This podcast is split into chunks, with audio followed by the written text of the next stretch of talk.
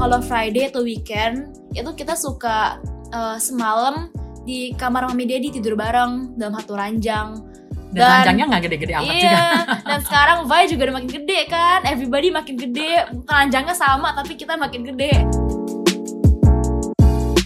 Halo semua, welcome to X and Z Podcast, tempatnya generasi X dan generasi Z ngobrol bareng tentang berbagai isu yang ada. Saya Leoni. Saya Anya. Dalam episode kali ini, kita akan lanjutin pembahasan mengenai family habits, kebiasaan-kebiasaan dalam keluarga. Nah, para pendengar udah denger belum nih episode minggu lalu? Kalau belum, dengerin ya, bisa juga habis ini nih. Kita ada bahas tentang berbagai contoh-contoh kebiasaan keluarga dan dampak-dampaknya, khususnya ke anak-anak. Ada beberapa hal nih yang kita pengen tanya kepada para pendengar. Pagi ini, saat kita bangun pagi, apa yang pertama kali kalian lakukan? Cek HP, ke dapur, atau misalnya langsung jalan ke WC? Haha, waktu misalnya kita pakai sepatu nih sebelum pergi, kita pakai sepatunya itu kaki kiri dulu atau kaki kanan. Terus waktu kita di meja belajar atau meja kerja, apa yang pertama kali dilakukan? Langsung cek email dan balas email? Atau misalnya cek HP dulu, terus browsing Instagram dulu? Nah menarik ya, karena hal-hal seperti ini kita lakukan itu otomatis. Nah ada seorang tokoh, William James, dia itu filsuf dari Amerika di abad ke-19. Dan dia bilang bahwa dalam hidup kita itu, itu penuh dengan kebiasaan-kebiasaan Nah, kita mungkin berasumsi bahwa saat kita melakukan sesuatu dalam kesehari-harian kita, itu adalah hasil dari suatu proses pengambilan keputusan yang sudah kita pikirkan dengan baik-baik. Tapi pada kenyataannya, kebanyakan dari pilihan-pilihan yang kita buat setiap hari itu adalah bagian dari habits kita. Banyak hal dalam hidup kita sehari-hari kita lakukan itu tanpa kita pikir panjang lagi. Karena ya kita sudah lakukan berulang-ulang dan ternyata sudah menjadi bagian dari habits kita. Nah, hal ini yang menarik sekali untuk kita pikirkan bersama-sama karena coba kita lihat, apa sih kebiasaan yang kita lakukan setiap hari? Family habits kita itu apa misalnya? Ada nggak kebiasaan peluk anak-anak atau cium pipi anak-anak sebelum tidur?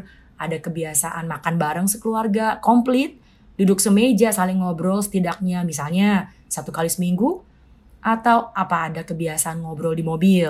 Ada kebiasaan bilang sorry atau thank you dalam keluarga? Nah ternyata hal-hal kecil yang kesannya kayak sepele gitu hmm. karena dilakukan berulang-ulang ternyata bakal berdampak besar kali ya. Oh iya pastinya berdampak besar karena habits kita itu berdampak pada relasi kita dengan anak, relasi mami dengan Anya, mami dengan daddy, antara suami istri, dengan orang lain dan banyak hal lagi. Itu semua dari habits.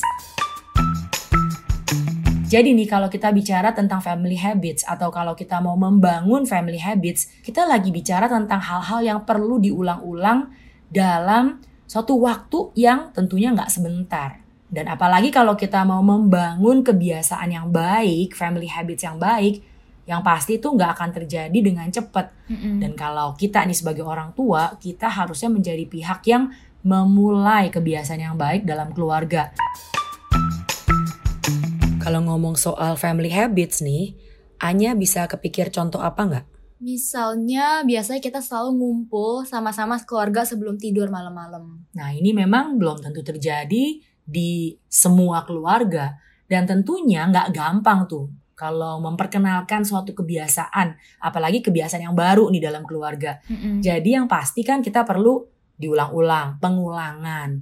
Contoh ya, kalau kumpul semua sebelum tidur malam, kita kan perlu ajak anak-anak, perlu konsisten menjalankan. Contoh, kalau salah satu dari orang tua itu berhalangan, misalnya memang ada meeting sampai malam, ya orang tua yang satunya lagi harus konsisten menjalankan, kumpulin anak-anak semua. Hmm. Dan pelan-pelan kalau kita ulang dan ulang dan ulang, mungkin bertahun-tahun hanya akan ada satu rutinitas. Dan inilah family habit. Dan kenyataannya memang memulai suatu habit itu nggak mudah. Hmm. Bisa ada penolakan dari anak misalnya bilang, ah males ah udah deh udah ngantuk, masih hmm. banyak tugas nih. Padahal untuk ngumpul bareng sebelum tidur kan bisa juga cuman 5 menit, 10 menit, nggak harus satu jam. Apalagi di awal-awal kita mau mulai kebiasaan yang baru, nggak akan mudah. Kalau kita bicara family habits ya, salah satu habits yang kita coba tanamkan di anak-anak, nah coba lihat hanya sadar atau enggak nih, adalah rasa berterima kasih, gratitude. Mm-mm. Contohnya nih, ada satpam bukain pintu buat kita. Apakah kita bilang terima kasih? Terima kasih pak. Atau kita sering kalinya lebih jalan aja. Nengok pun enggak karena mungkin kita dalam hati pikir ya memang satpam ya bukain pintu lah buat kita. Gimana nya? Berdasarkan pengalaman yang mami paling sering ngajarin sih emang kalau ada yang traktir makan gitu ya pasti harus bilang thank you. Terus ya kalau lewat pintu ada yang bukain thank you, dikasih barang thank you. Nah hal-hal kecil itu jadi karena sejak kecil ya sampai sekarang emang jadi inget sih. Terus selain itu selain ngomong thank you-nya sendiri selalu dikasih tahu kalau sambil ngomong thank you harus lihat ke orangnya. Terus suaranya juga harus keras kalau nggak kedengeran percuma. Ya kadang kalau nggak kedengeran dari jauh ya kasih gesture thank you.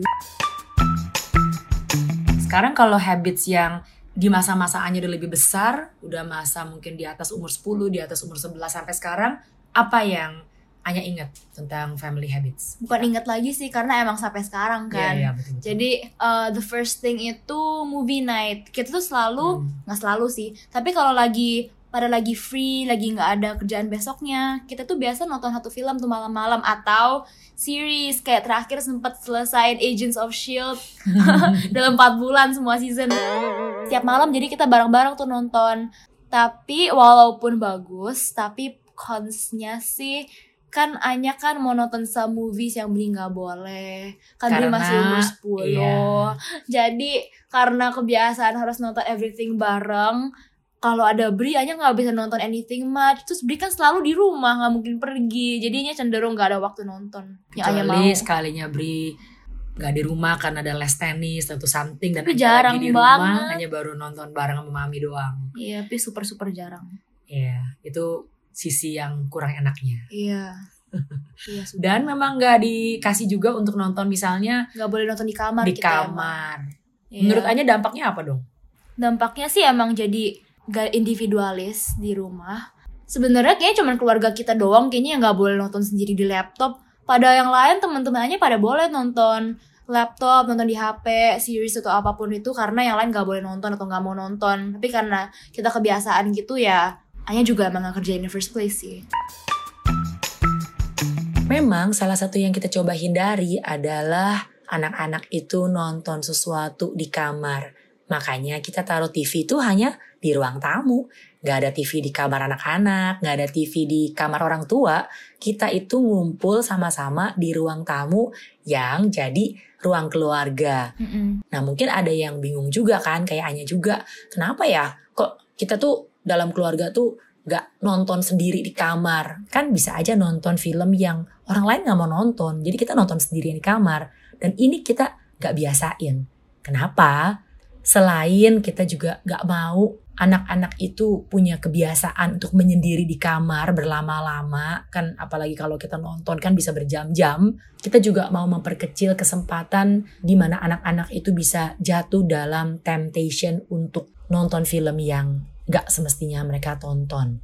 Nah bayangkan dalam kesendirian di kamar kan bisa tuh terlintas ah gak ada yang tahu lah gak ada yang lihat atau misalnya ada yang kirim link, ketemu link, ketemu gambar sesuatu walaupun dengan tidak sengaja nih. Dan kita lagi bicara pornografi. Kalau sudah ada kebiasaan untuk nonton sendirian di kamar dari HP atau dari laptop, terus tutup pintu, belum lagi layar komputer atau laptopnya itu tidak menghadap ke pintu masuk ya. Jadi kalau orang buka pintu itu gak bisa langsung lihat layar laptopnya misalnya, godaan untuk jatuh dalam temptation seperti itu otomatis lebih besar kalau sudah ada kebiasaan sendirian dan nonton sendirian di kamar. Mm-mm. Ya tentunya namanya jatuh dalam dosa bisa anytime, anywhere, by anyone. Bukan hanya anak-anak tapi juga orang tuanya kan bisa jatuh dalam dosa seperti itu. Ya by God's grace kita minta Tuhan jauhkan dari pencobaan seperti itu ya. Dan Tuhan yang kasih kekuatan untuk kita melewati godaan-godaan yang ada. Family habits apa lagi Anya? Ada juga family night namanya nggak tahu siapa yang namanya family night Iya. tapi kayak stucknya namanya itu jadi uh, kalau Friday atau weekend itu kita suka uh, semalam di kamar mami daddy tidur bareng dalam satu ranjang Dan, Dan- ranjangnya nggak gede-gede amat iya, juga. dan sekarang Vi juga udah makin gede kan. Everybody makin gede. Keranjangnya sama tapi kita makin gede. Jadi dulu sih muat Sekarang lama-lama kan makin sempit. Akhirnya ada yang pindah ke bawah ke matras. Tapi intinya kan sekamar. Tapi consnya adalah Anya kan selalu dulu sebelah Bri. Anya kan paling ujung tidurnya kan Bri itu tidur bener-bener kayak udang Bengkok badannya Ngambil tempat dua orang Terus tengah malam tuh tiba-tiba mukanya dipukul lah Kakinya ditendang sama Bri Terus tiba-tiba Bri kayak tidur gede banget tempatnya Anya sampai bener-bener gak ada tempat Cuman kayak beberapa cm doang Sampainya harus dorong Bri ke dalam. Aduh ampun lah. Sesuatu hal yang dialami yang akan menjadi memori nanti mungkin hanya umur Iya oke lah. 25 tahun, umur 30. yang sampai sekarang kita pasti kerjain tuh setiap sebelum tidur kita tuh doa bareng-bareng. Biasa kalau lagi sempet juga ada renungan singkat dulu sebelum doa atau mami dedi sharing misalnya tentang ikigai atau tentang mindset, sharing-sharing gitu lah sebelum tidur. Terus doa bareng.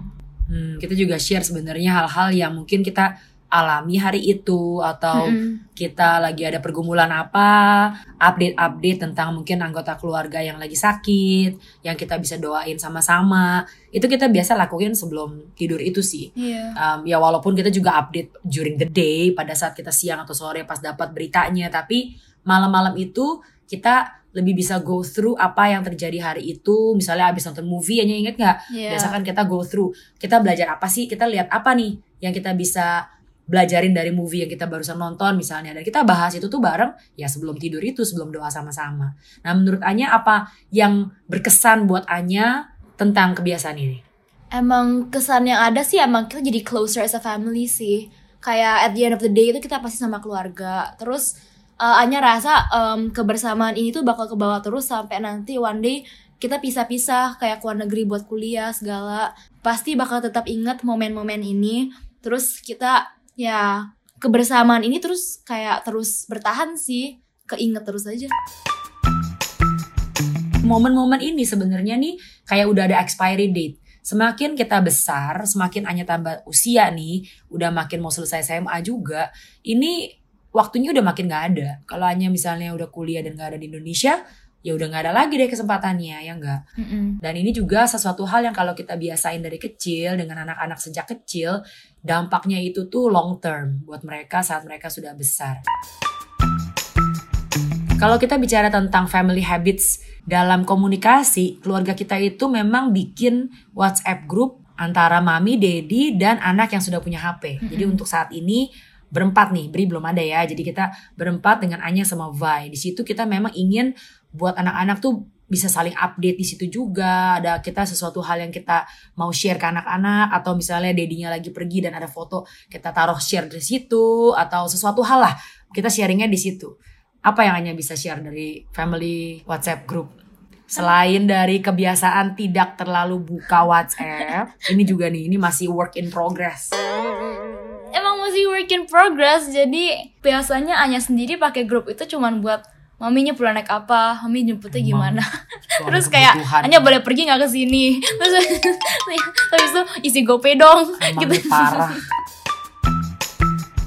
Jadi di situ kita mau coba latih anak-anak supaya ada kebiasaan untuk komunikasi dan memulai satu habit itu tidak berarti mereka langsung bisa ngerti dan ikutan langsung punya rutinitas itu kebiasaan itu. Tapi ya itu harus terus menerus kita coba tanemin dan ulang berulang diingetin. Udah baca belum WA grupnya? Mesti belajar respon. Nah ini juga nih etika dalam berkomunikasi lewat HP Hmm. etika berkomunikasi lewat WA bahwa kalau ada orang tanya ya kita mesti respon misalnya kayak gitu. Ini aja juga kita kan mesti ajarin terus ke anak-anak juga.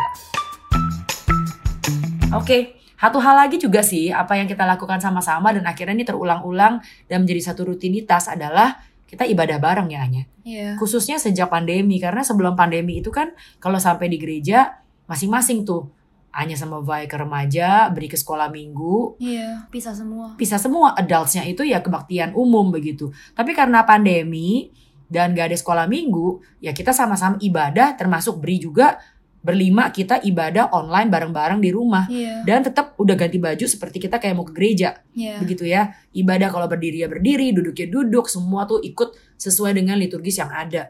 Plus sekarang kalau udah ada gereja fisik, kita tetap berlima pergi juga kebaktian. Hmm. Jadi nggak pisah-pisah lagi. And I think Anya, actually it's better. Harusnya seperti itu loh kalau kita sebagai satu family. Iya. Kalau ada remaja lagi atau ikut sekolah minggu itu di luar dari jam ibadah bareng. Waktu antara kita orang tua dengan anak-anak yang bisa sama-sama itu sangat-sangat singkat sebenarnya. Waktu anak-anak masih kecil, mungkin kita tuh apalagi ibunya gitu ya berasa panjang banget hari-harinya. Anak yang nangis, kalau lagi sakit, muntah, secara fisik, emosi kita capek sekali.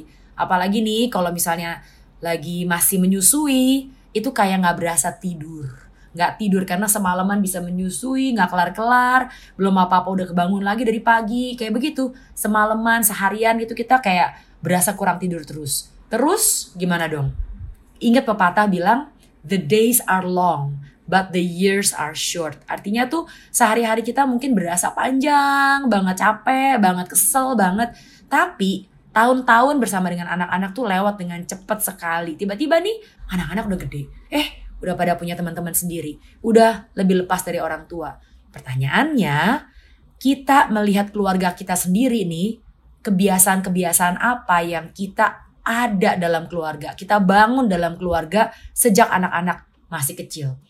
Ada nggak hal-hal yang mungkin belum kita biasakan dan perlu kita mulai lakukan dengan sengaja demi meningkatkan komunikasi misalnya? Salah satu hal yang kita coba lakukan adalah misalnya komunikasi di WhatsApp grup dengan anak-anak. Anak-anak belum tentu langsung buka WhatsApp grupnya dan baca dan respon, tapi ini sesuatu hal yang kita lagi coba bangun. Karena berkomunikasi dan bercerita dan saling update waktu kita nggak sedang bersama-sama lewat media yang ada yaitu WhatsApp, itu sesuatu hal yang baik. Satu hari nanti anak-anak akan terpisah dari kita, mungkin tinggal di luar kota, di negara yang berbeda. Kalau kita sudah membangun kebiasaan bercerita ini dan saling share foto, share update di WA group, ini akan menjadi sesuatu hal yang baik. Bagi para pendengar generasi Z, setiap keluarga itu unik. Orang tua juga punya banyak keterbatasan dan kelemahan. Kalau dirasa ada habit-habit atau kebiasaan-kebiasaan yang kurang sehat selama ini, mungkin ada orang tua yang cara bicaranya kasar, kurang ajak ngobrol, kurang ada inisiatif kebersamaan dalam keluarga, apa pun itu, generasi Z bisa memilih untuk doakan orang tua, doakan keluarga sendiri, dan perubahan itu juga perlu mulai dari kita sendiri yang perlu bertobat, perlu berubah, perlu berinisiatif mungkin. Para pendengar sekalian, untuk keluarga kami sendiri masih banyak hal pastinya yang perlu dibenahi, diperbaiki, family habits yang masih perlu dikaji ulang atau diubah.